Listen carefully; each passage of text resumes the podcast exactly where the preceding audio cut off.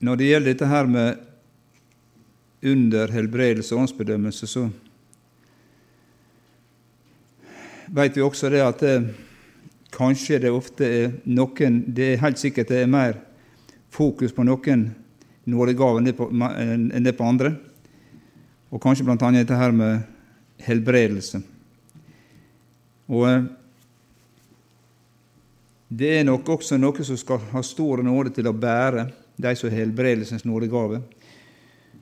Skjønt det er veldige løfter også på dette her med helbredelse i menigheten med håndspåleggelse av de eldste og bønn. Så det, ikke, det, ligger ikke bare til at noen har helbredelsens nådegave.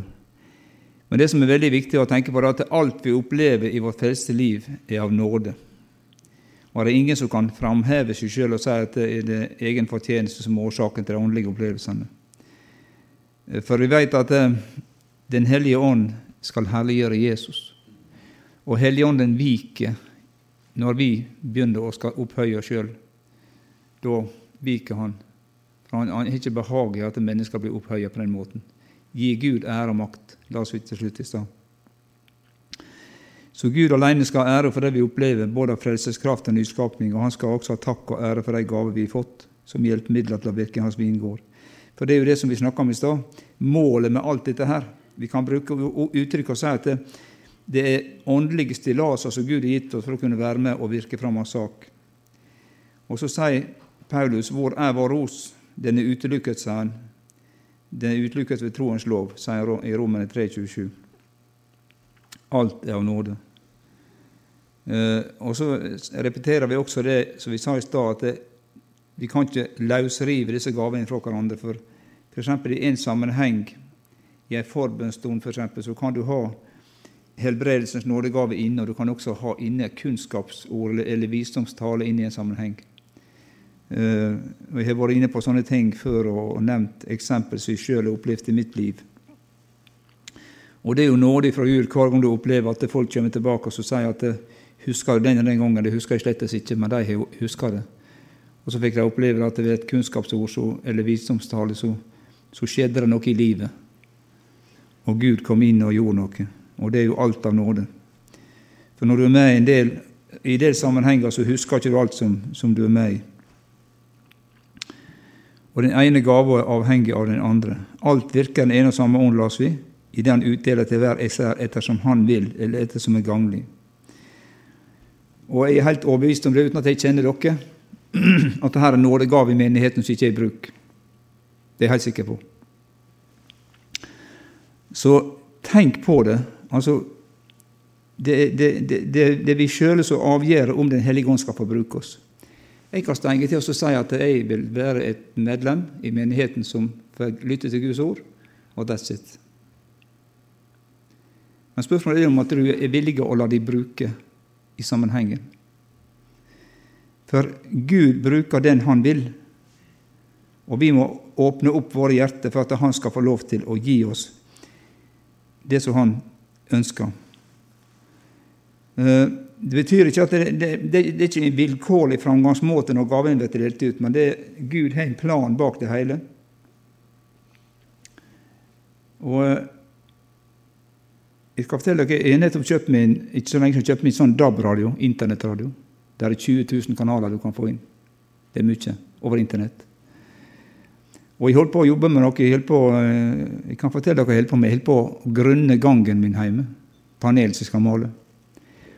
Og så hadde jeg på den, og så hadde jeg en tanke på noe. Jeg skal ikke si hva det var. Det blir litt for nær. Og så kom det en tiltale i en sang gjennom den radioen som gikk rett inn og korrigerte meg i min tanke. Så direkte. Så tenker du ja, det var sikkert en tilfeldighet. Ja, var det det? Gud gjør det på sin måte, slik han vil. Og han kommer i sin tid, slik han vil. Så det som skjer rundt oss, det skjer i overensstemmelse med Guds visdom, godhet og rettferdighet når vi lar oss påvirke av Den hellige ånd. Og som vi så her oppe på veggen, Den hellige ånd, den tredje personen i guddommen, som vi sier, han er virkelig i sving rundt oss. Og hvis vi visste, og hvis vi så inn i det usynlige, og fikk se englene rundt oss som er leirer rundt oss, som er utsendt for deres skyld som skal arve frelse, så hadde vi vært mer på alerten og så sier dette her jeg ønsker jeg å være med på.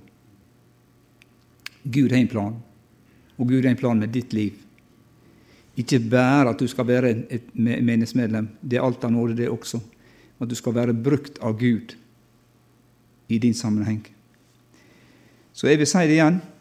Gjenopptenn nådegave som Gud har lagt i ditt hjerte, så du veit du har brukt, og som ligger der, som du kanskje av ulike grunner ikke bruker i dag. For det er til menighetens oppbyggelse, og det er menighetens framgang. Og det står at Guds ord hadde framgang og fikk makt. Nå skal jeg legge fram i klokka her, så jeg ser.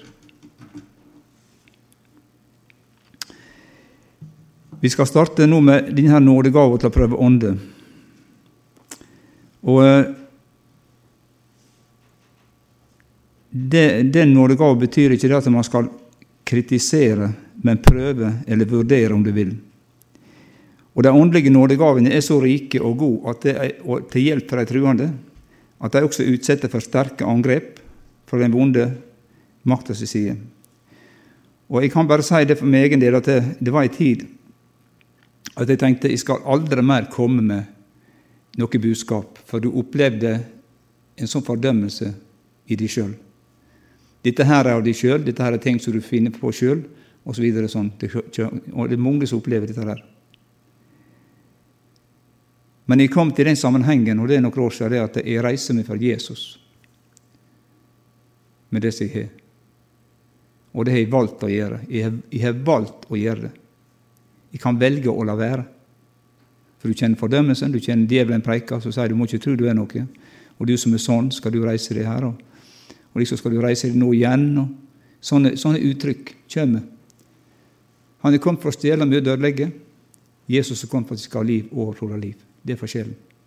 Og vil vi ha del i overfloden, så må vi gå inn under Han som gir overflod. Det er vårt valg. Eh, nå snakker meg helt vekk. Eh, men det er også det som er dyrekjøpt og kostbart, som blir spesielt passa på og satt vakt over. Og Den hellige ånd han er her også og prøver å oppmuntre oss.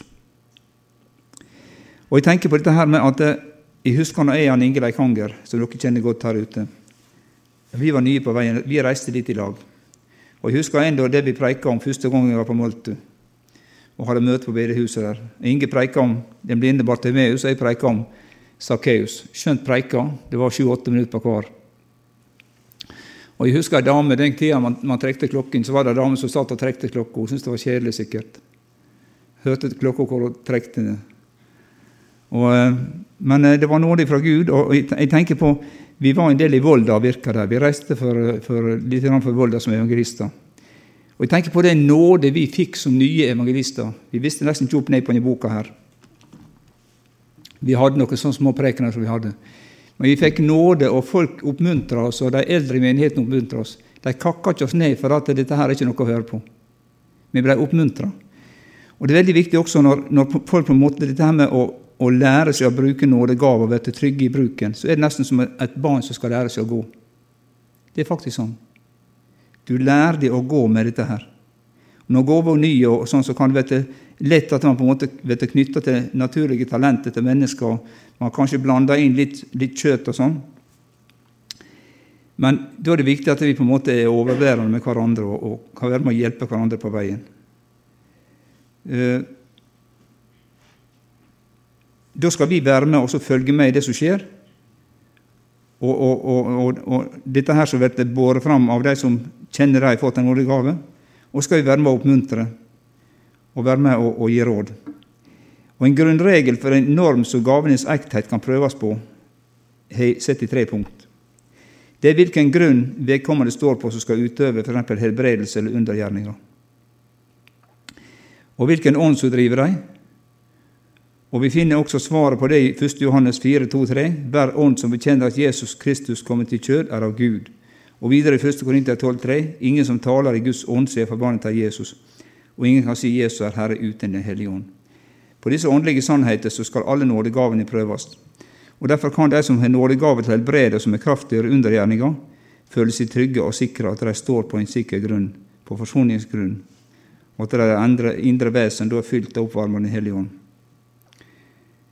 Eh, det er også denne grunnen vi må stå på, som har fått nådegave og evnen til å prøve ånden. Og jeg vet folk som har det. Det er en spesiell nådegave, evnen til å prøve ånden. Og der venner, må det ligge veldig mye kjærlighet i bunnen for den som har den gaven. Her blåser ikke man i basun og reiser opp i menigheten og sier at det du kommer der, det, det stemmer ikke. Da går man på Thomas' hånd, og så snakker man vedkommende. Ikke sant? Og så er vi ledet av Gud i det som vi kommer med. En, diskret, en vennlig, diskré samtale med personen på Thomas' det er utgangspunktet. Og Vi er ikke ute å ta noen, men å veilede og oppmuntre kjærlighet. Og Målet er etter en eventuell veiledning at vedkommende skal kunne fortsette å bruke den eller de betrodde nådegavene med stor frimodighet. Og Her trenger vi ydmykhet, både den som veileder, og den som blir veileder. Og at vi på en måte jeg snakker at den ydmyke gir Gud nåde. Det handler rett og slett om å vise til rette i kjærlighet. Eh, du kan også oppleve det at eh, folk fær vill. Det er så mye i dag som virker inn, alt etter hva slags miljø du, du er i ellers. Og at folk på en måte kan ha villfarelse i det de kommer med. Da trenger vi virkelig nåde til å vise til rette. At folk på en måte ikke bare stikker av, for dette her det tåler ikke å høre. Men at vi er i nåde fra Gud og kan være med og, og, og veilede og, og, hjelpe. Jeg skal ikke si noe mer om den nådegaven der. Men nådegaven til å prøve ånder, den, den ligger faktisk inne som en av gavene. Når det gjelder helbredelse og undergjerninger, så har jeg valgt å, å behandle dem sammen, for det ligger veldig nær. Eh, når vi kommer inn på spørsmålet om nådegave til helbrede og kraftigere undergjerninger, er det nødvendig å se litt på mulighetene for å bli helbredet fra sykdom. Og Vi må tilbake til den fundamentale grunnvoll, men sannheten om det fullkomne soningsverket. Og Jeg har en påstand her, og den tror jeg du er enig i, at det er like sant som at Jesus døde og sona for all synd, Like sant er det at han tok, samtidig tok all sykdom med i det sonende og frelsende nådeverket. Isaias 53, 4-5, profeterte i lang, lang tid før Jesus ble født. Sannelig våre sykdommer har han, altså Jesus, tatt på seg. Våre piner har han båret. Men han er såret for våre overtredelser, jeg forkorter litt, knust for våre misgjerninger. Straffen ble lagt på ham for at vi skulle ha fred, og ved hans sår har vi fått legedom. Vi leser at etter at Jesus vendte tilbake fra djevelens fristelse i ørkenen, kom han til Nasaret, der han hadde vokst opp. Og gikk han inn i synagogen, og der ga de han profeten Isaias' bok, og leste fra Lukas 4, 18. Og vi skal lese det som står der. Lukas 4, 18.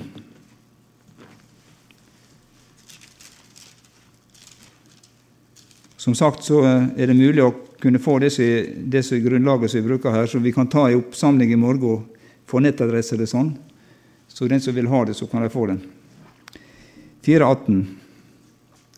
Herrens ånd er over meg, for han har salvet meg til å forkynne evangeliet for de fattige. Han har sendt meg for å helbrede den som har et sønderknust hjerte, for å rope ut frihet for fanger, for at blinde skal få syn igjen, for å sette undertrykte i frihet, og for å rope ut et nådens år ifra Herren.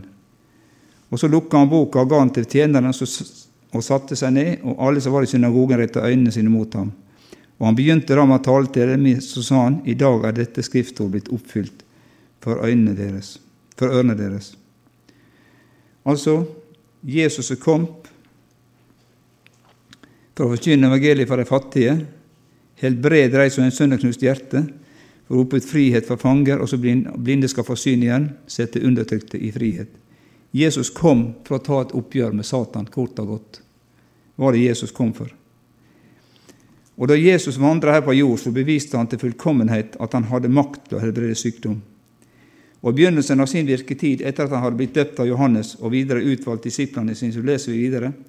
Og Jesus gikk omkring i hele Galilea og lærte folk i deres synagoger og forkynte evangeliet om riket og helbredet all sykdom og all skrøpelighet blant folket. Matteus 4,23.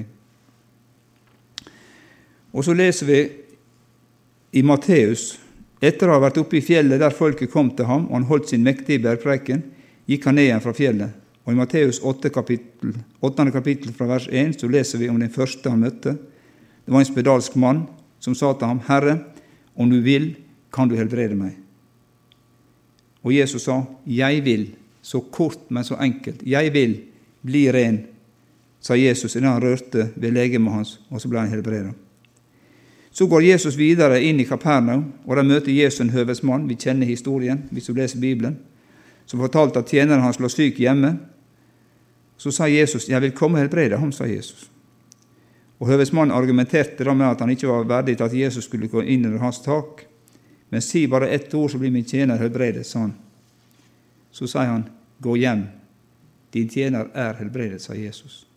Og tjeneren var helbredet i samme stund. Så er det Peters svigermor som får oppleve Jesus. Var sykebesøk hos Peters svigermor. Hun lå til sengs og hadde feber. Jesus rørte ved håndene, og feberen forlot henne, og hun sto opp. Og så er han også veldig glad for at det står Seinere på kvelden førte de mange besatte til Jesus, og han drev åndene ut med ett ord, og alle som var syke, ble helbredet. Og Det er viktig at vi tenker på det som står her. Det er så mye snakk om demoner i dag i enkeltsammenhenger. Man skal ikke se demoner i alle sammenhenger.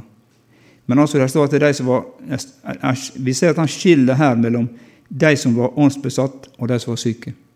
Er du med på det? Han skiller mellom de som var åndsbesatt, og de som er syke. Du kan gjøre stor skade hvis du begynner å bruke sånne uttrykk mot folk som er syke i vanlig sykdom, og påstår at du er åndsbesatt. Men i Matteus 8, vers 17 jeg lyst at vi skal slå opp det, for at det viser faktisk tilbake til Esaias 53, og det er, det er veldig bra. For det, det, er så populært i dag, og det er mange som på en måte i gåsehudet spesialiserer seg på dette her med, med indre helende, som de sier i Sverige.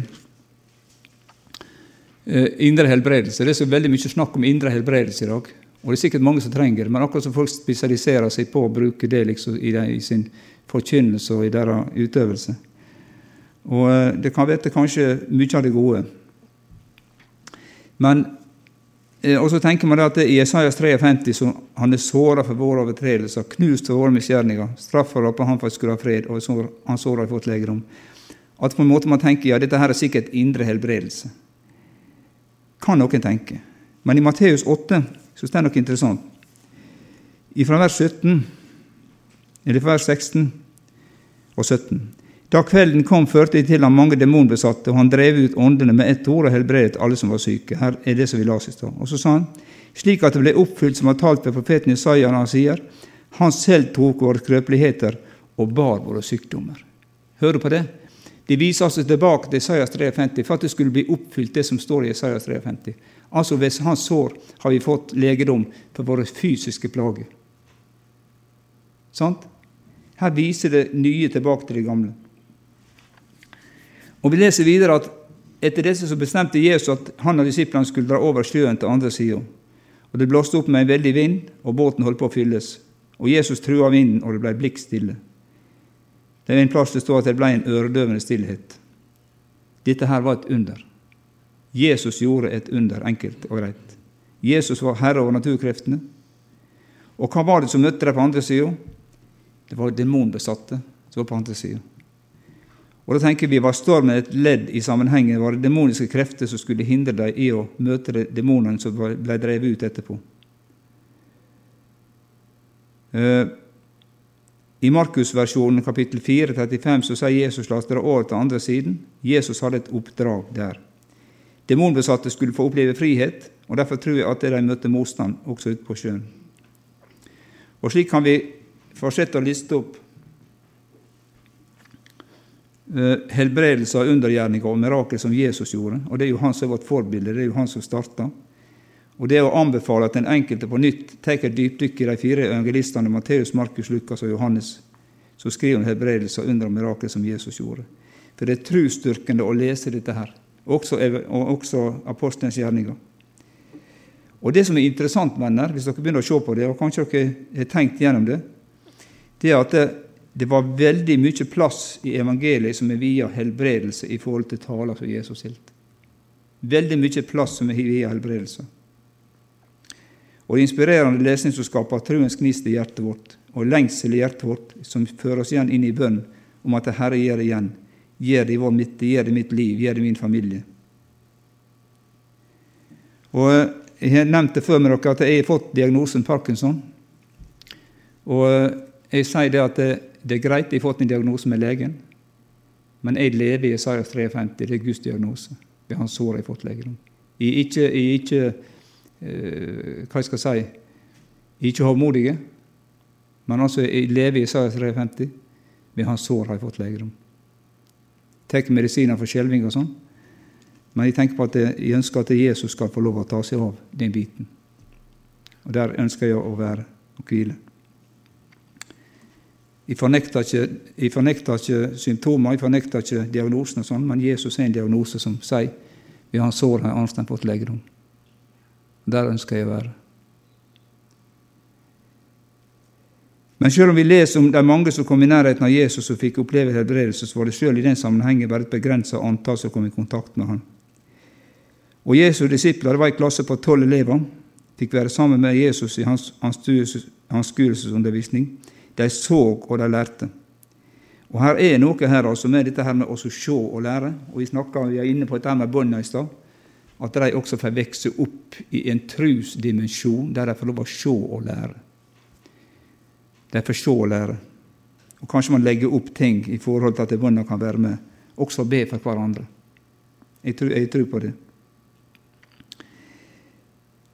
Men så etter at Jesus da hadde, de hadde lært med Jesus, var det tid til å praktisere omsetning av teori til praksis.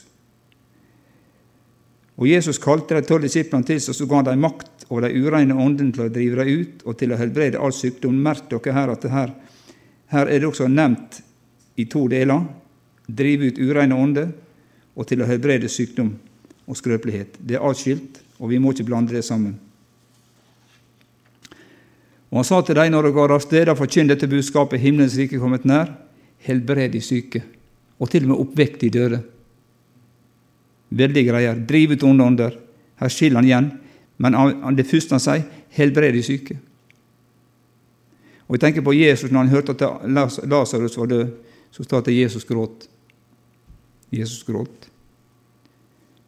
Og Jesus hadde medynk med de som var syke. For han visste hva slags krefter det var som var imot. Og Jesus han utvida også vitneskaren. Vi leser siden utvalgte Jesus også 70 andre og sendte dem ut, to og to, og sa:" Helbred de syke som er der. Hører du? Og si til dem:" Guds rike er kommet nær til dem.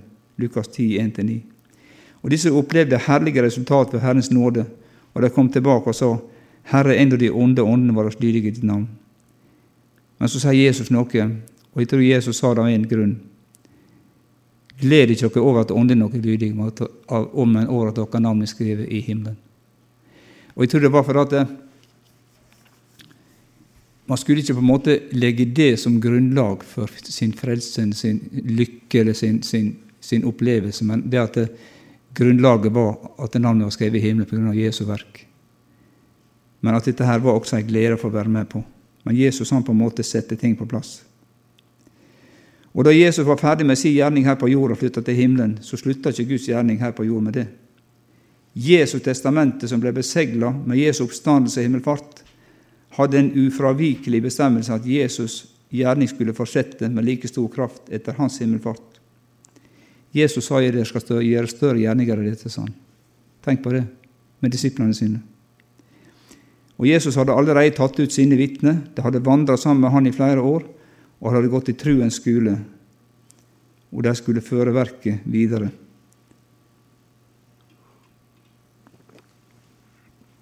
Og Så sa Jesus det i Apostlenes gjerninger 1.1-8, det som vi hørte lest innledningsvis her. Dere skal få kraft når Den hellige ånd kommer over dere, og dere skal være mine vitner i Jerusalem, i hele Judea, Samaria helt til jordens ende. Dette var siste beskjeden Jesus ga ifølge Bibelen til disiplene før han forlot denne jord. Men Guds rikes virksomhet fortsatte innen Det nye testamentet i menighet. Befalinga disiplene fikk av Jesus, sto fremdeles ved makt. De skulle utdrive onde ånder og helbrede syke. Og allerede på pinsefestens dag de fikk ikke noen hviledag etter at de hadde opplevd Ånden, og bare lene seg tilbake og ta litt unge. Hva der står? Jo, de fikk utføre, de fikk veilede den store skare som søkte sannheten til frelse og dåp. Og Vi leser at omtrent 3000 mennesker ble frelst og døpt på én dag. Det var litt av en menighetsstart. 3000 på en gang. Hva tror du Eikenosvågen? Måtte utvide da. Og I apostlenes virke så får vi i sannhet stadfeste at Guds kraft ved helbredelse og undergjerninger fortsatte uopphørlig. Mange under og tegn ble gjort ved apostlene. Og Hvis vi kan si det sånn at vi gir oss i vei sammen med disiplene i deres virke i Den hellige ånd, så ser vi litt av det som skjedde. Jeg skal bare sitere her.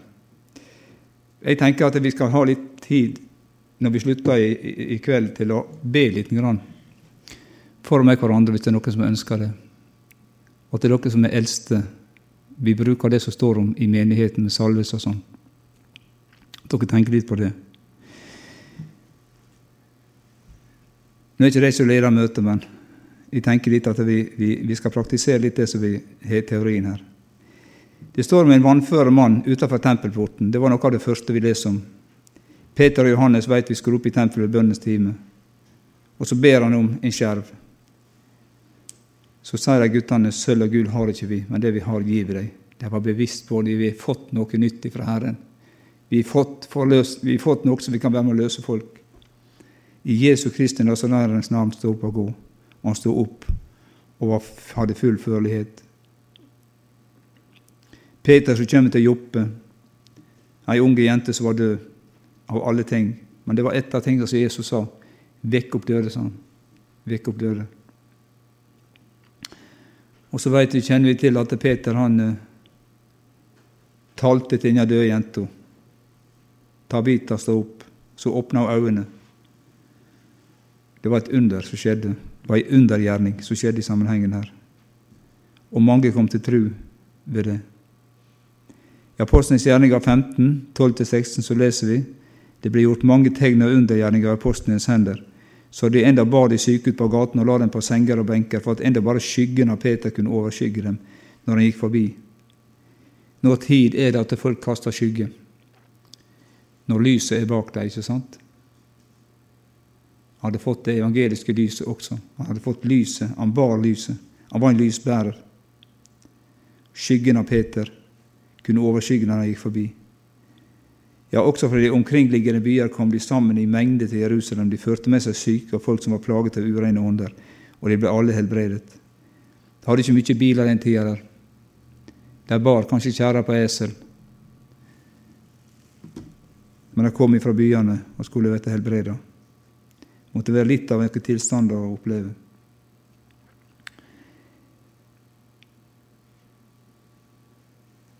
Så er det at flere ble omvendt etter hvert og kom inn i vitneskaret. Vi kan nevne Paulus, som vi har vært inne på litt før i kveld. Han hadde fått en radikal omvendelse. Han kom ikke bare 100 inn i den frie, åndelige, guddommelige sannhet og frigjørelse, han kom også 100 ut av den gamle, tradisjonsbundne gudsdyrkelsen. Og jeg tenker at det, Når Gud kommer inn og kaster lys over livet vårt, så er det ting som vi må kvitte oss med. Og Tenk på når Gideon, det første han Gideon måtte ta, ta utu med når Gud kalte honom, det var at han slo i stykker far i sin offergreier på natta. Han turte ikke på dagen. Det var det første han tok et oppgjør med. Og det kan hende det når Gud møter oss spesielt igjen, at det er ting For, å si det sånn i gåseøyne at det er hellige kyr som vi er nødt til å slakte. For at det har ikke noe egentlig med det å gjøre som Gud har tenkt. Men vi har vent oss til ting og laga oss noe ritual og noe styr. Kvitte oss med tradisjonelle, tradisjonelle ting som på en måte kanskje er bitter og hindrer Gud i å gå videre i våre liv. Og Det står om Paulus at det usedvanlige kraftgjerninger gjorde Gud ved Paulus' hender så at de enda tok svetteduker eller forklær som han hatt på seg, og bar til de syke, og sykdommen vekk fra dem. Tenk på det han som hadde vært så, så hard med menigheten og kasta folk i fengsel, til og med folk drept. Og han holdt kappa til de som steina til Stefanus. Hun har brukt til Gud. Her ser vi nåden i Kristus. Det gamle er borte, alt er blitt nytt. Det er nåden fra Gud, det er nye mennesker som får lov å virke for Han. Der også vi. Og Derfor så skal ikke vi la djevelen få preike om at du har vært sånn og du har vært sånn. Vi er i Kristus, vi er skjult med Kristus i Gud. Vi er i Kristus. Det er Kristus, vårt liv, som lever i dag. Selv om vi er i kjøttet vårt og vi har våre feil og våre mangler. Men det livet som vi lever i Kristus, det er det nye livet. Og der skal vi få lov å være frimodige. Som fange på vei til Rom, det siste jeg nevner her, opplever Paulus at han var, var, hadde skipbrudd Malt, utenfor Malta. Han ble skylt i land. Og, og eh, Så står det at Paulus kom i kontakt med en syk mann. Paulus la hendene på ham og helbreda ham. Og etter dette her så kom andre på øya som hadde sykdommer, og folk ble helbreda. Det alle ble helbreda. Og jeg tenker på at Hvorfor var dette her sånn? Jeg tror at Gud han kom også med Jesus Kristus for å helbrede sykdom. Men det, også, det var også et, et, et, um, et, middel til å nå folka med evangeliet om frelse. Under og tegn ble gjort. Og uh, det er viktig for oss å på en måte ta tilbake og innta disse områdene igjen som Gud har gitt til menigheten.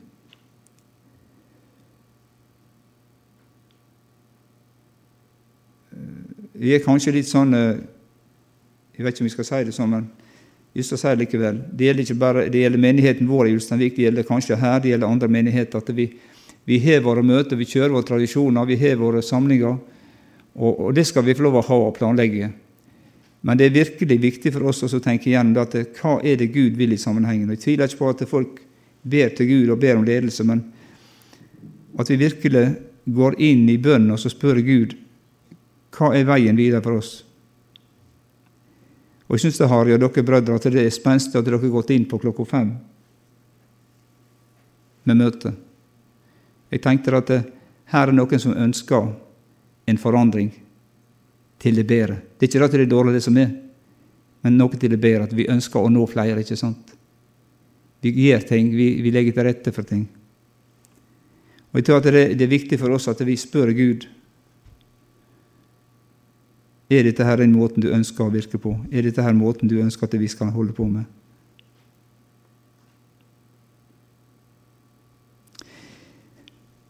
Når det gjelder nådegave og kraft å gjøre undergjerninger, så har det en sterk tilknytning til troens og helbredelsens nådegave.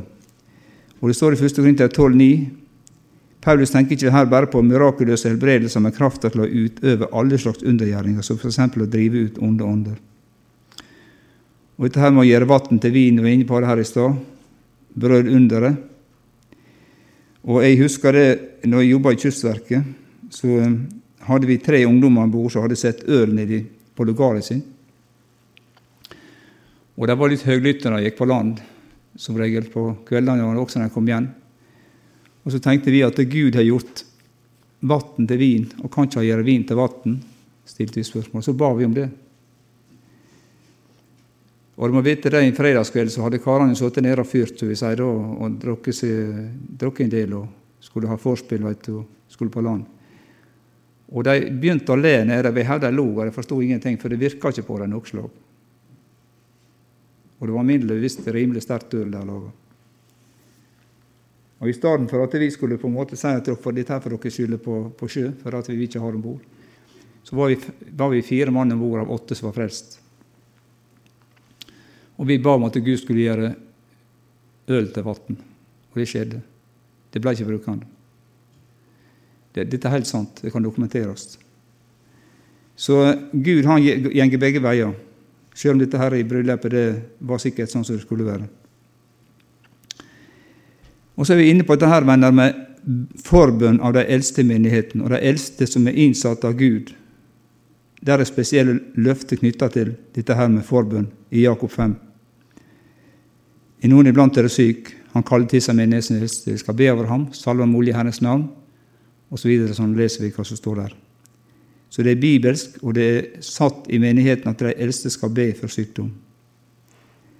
Og I Hebreeren 13,8.: Jesus Kristus er i går og i dag den samme i at leve i tid.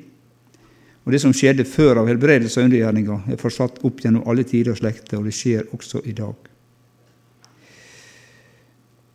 Uh, Gud satte i menigheten. Vi skal snart runde av. Alle har fått gave ifra Herren, har jeg skrevet her, som vi skal tjene i menigheten vår, ved at vi tjener sammen, er villige til å lære sammen, være villige til å gi, være villige til å ta imot. Altså vi snakker om gi, ikke penger, men gi av oss sjøl. Kan Guds ord få framgang i vår midte? Alt er av nåde. Alt er gitt oss av Gud. Og helbredelsens nådegave, kraft til å gjøre under, nådegave til å prøve ånde, er også lagt i vår menighet, i deres menighet her. Og det gjelder å framelske det. Og eh, Jeg leste om en som eh, hadde en, en, hest som ikke var så villig til å gå slik som han skulle. Og Så satte han etter en annen hest og lot den gå i havnegangen rundt. Og til slutt så gikk han sånn som denne hesten gikk, for at han lærte av den hesten han gikk etter nå. Og Uten å kalle oss for hester, så er det også sånn at vi kan lære av hverandre. Og vi kan lære å gå sånn som Den hellige ånd viser oss. Og vi som er eldre, jeg nevnte før, vi som er eldre, vi skal også lære de yngre den vei de skal gå, gjennom at vi på en måte viser dem hvor de skal gå. De skal ikke arve vår måte å gjøre ting på, men det er en del ting det er en del faste ting i Guds ord som gjelder, og som skal ligge på plass ut ifra det som står i Skriften. Og det skal vi være med og så lære den unge den veien skal gå. Tal, Herre, din tjener hører, skal du si. Helbredelsens nådegave, gjøre under, nådegave til å prøve ånder, det ligger også fast her hos dere. Og Gud har også gitt i menigheten gave. Og Det er et spørsmål vi er villige til å fortelle at dette her tror jeg Gud har gitt meg.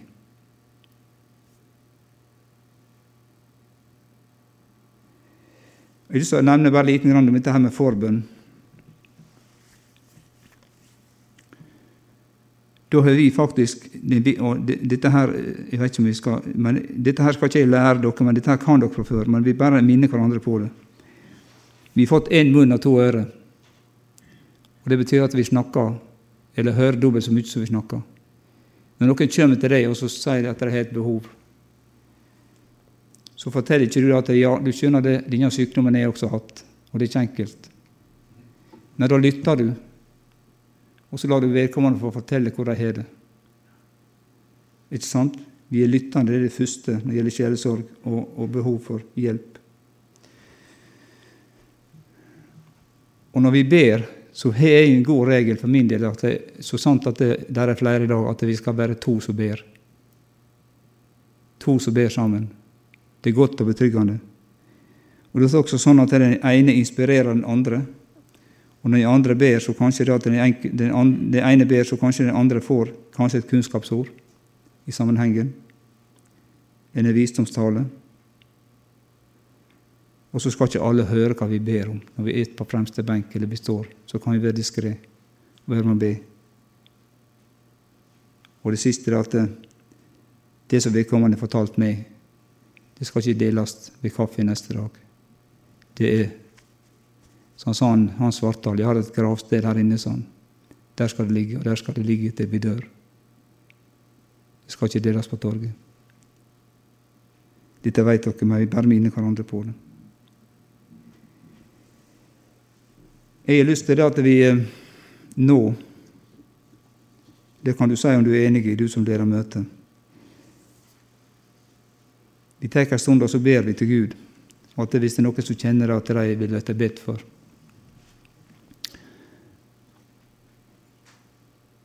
Til helse, f.eks., så er det menighetens eldste som ber, og som salver. Lederskapet i menigheten. Det er lagt i menigheten. Men det har også vært sagt at det, Gud har også utrusta menigheten til at folk har helbredelsens nådegaver. Vi vet jo folk rundt om i landet vårt som har det. Og eh, det kan være mange flere som har det, de som de viser med. Men det viktige er at vi får lov å gå i den gudstjenesten som Gud har tenkt vi skal være i, og tjene med de gaver som Gud har betrodd oss.